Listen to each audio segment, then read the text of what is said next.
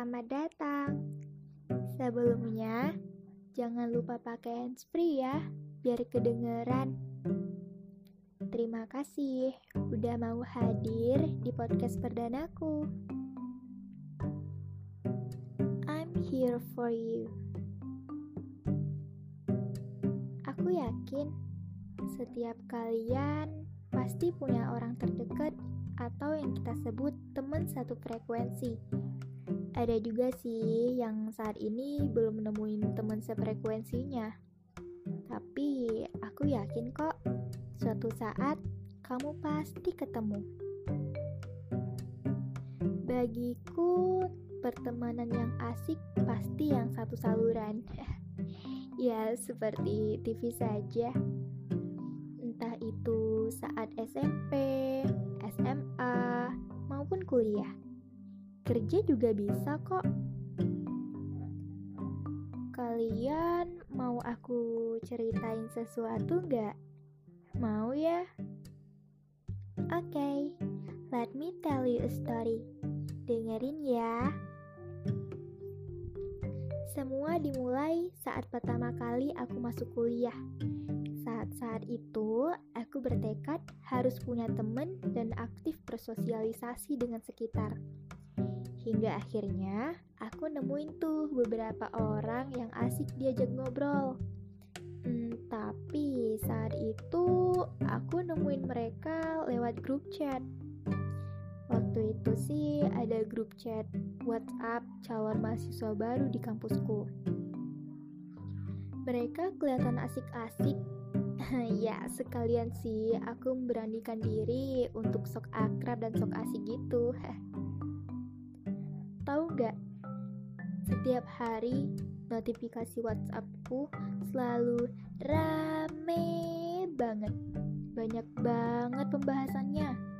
Entah itu saling kenalan nama dan asal daerah masing-masing, ataupun saling ngasih info tentang kampus.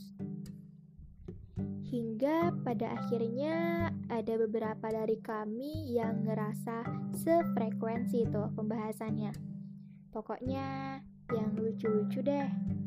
Lalu kami bikin grup baru tuh. Sudah mulai nih berkubu-kubunya. Dan saat itulah aku mendapatkan sebuah circle pertemanan baru. Menurut kalian, teman satu frekuensi itu bagaimana sih? Kalau menurutku, teman satu frekuensi itu bukan hanya teman dengan hobi yang sama, kesukaan genre musik yang sama, ataupun karakter yang sama. Bagiku, satu frekuensi itu yang memiliki tujuan dermaga yang sama dengan kapal yang berbeda. Singkat cerita, sekarang kami sudah semester 4 dengan pilihan konsentrasi masing-masing. Sekarang mereka hebat-hebat, hampir semuanya menjadi mahasiswa yang aktif berorganisasi. Ya, walaupun sekarang kita jarang ketemu. Wajar sih karena jadwal ngampus yang berbeda. Tapi tetap aja kalau ngeluh, tinggal chat di grup. Terus kalau lapar, tinggal ke base camp. Nama base campnya itu kami sebut Crispy. Itu adalah tempat makan di sekitar kampus. Gak jarang juga loh kami beda pendapat.